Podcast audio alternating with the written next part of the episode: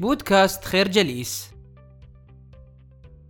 يؤكد الكاتب قضية لا يوليها معظم الناس أهمية كبرى لأسباب كثيرة، وهي أن أي لعبة ليست دوما تكون وسيلة جيدة للبدء في معرفة موضوع ما، بل على العكس من ذلك، فقد لا يلحق الإنسان أي ضرر عند الخسارة فيها كما هو معروف. هنا يصر الكتاب على أن يقنعنا كقراء ومتتبعين أو مهتمين بأننا نستطيع من خلال مجموعة من الطرق والأساليب أن نصنع قرارات أساسها العقل والتعقل.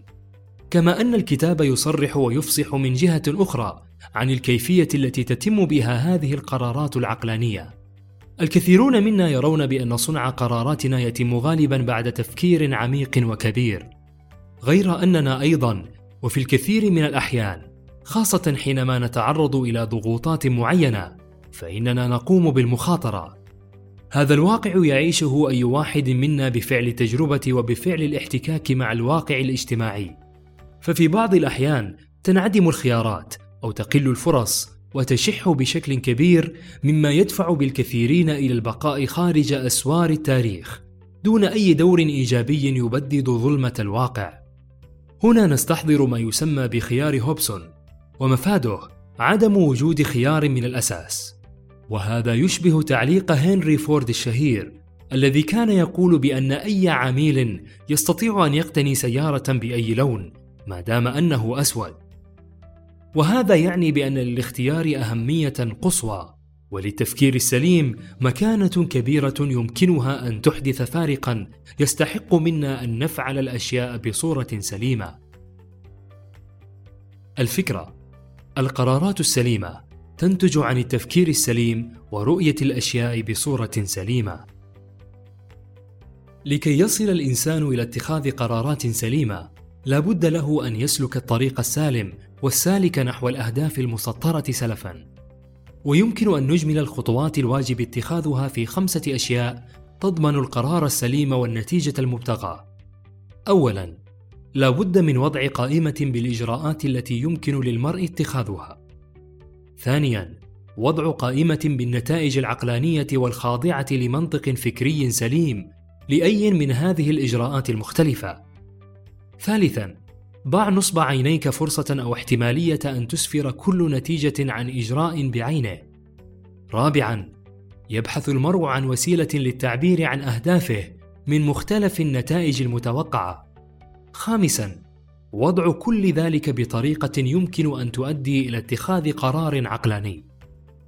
كل ما سبق يتأكد لنا من خلاله أن الناس تخشى كلمة الاحتمالية لصلتها الوثيقة بعلم الرياضيات. لكن بالتأمل نجد أن نفس الأشخاص يقامرون بالملايين إذ يراجعون الاحتمالات على حاسبة المراهنات أو في الصحف. وهذا يعني بما لا مجال للبس فيه.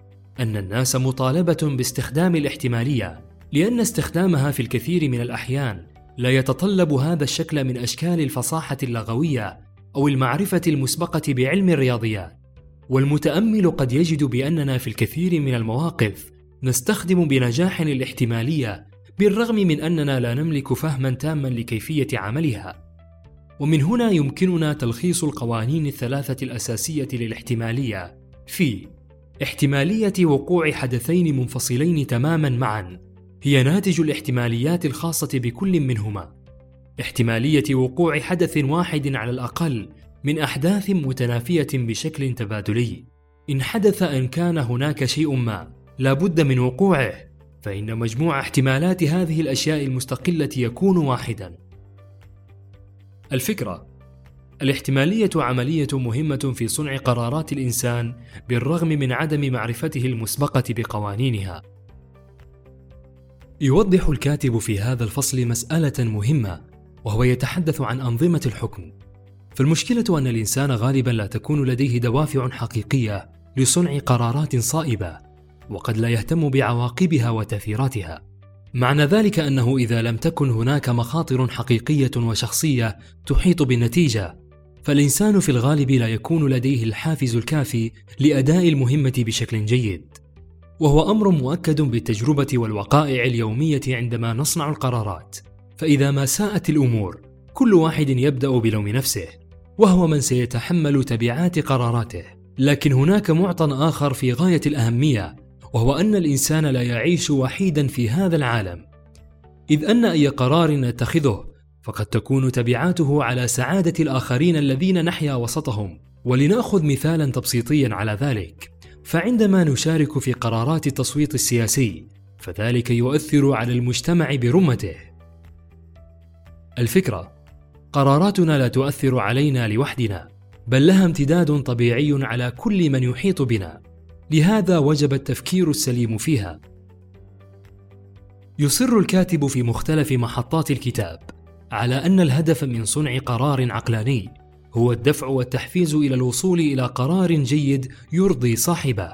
كما يؤكد على أن صاحب القرار العقلاني سوف يحقق النجاح والتقدم في جميع مراحل حياته. حتى لو ظن أنه على درجة خطيرة من الخطأ أو على درجة مذهلة من الصواب.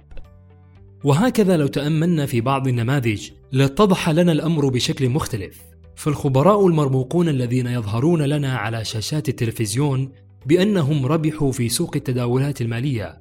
نادرا ما تجدهم يكررون نجاحاتهم في السنة التي تليها. وهم أعلم ومدركون بأن الأيام لا تتكرر.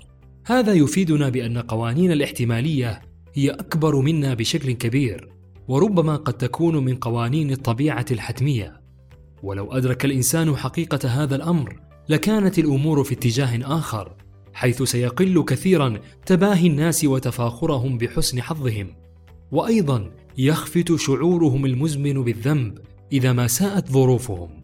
صحيح أن هناك أشياء تقع بالمصادفة ولا يكون في وسعنا فعل شيء لتغييرها. الفكرة القرار العقلاني ينتج لنا النجاح والتقدم في حياتنا ويجنبنا الكثير من المشاكل. نشكركم على حسن استماعكم.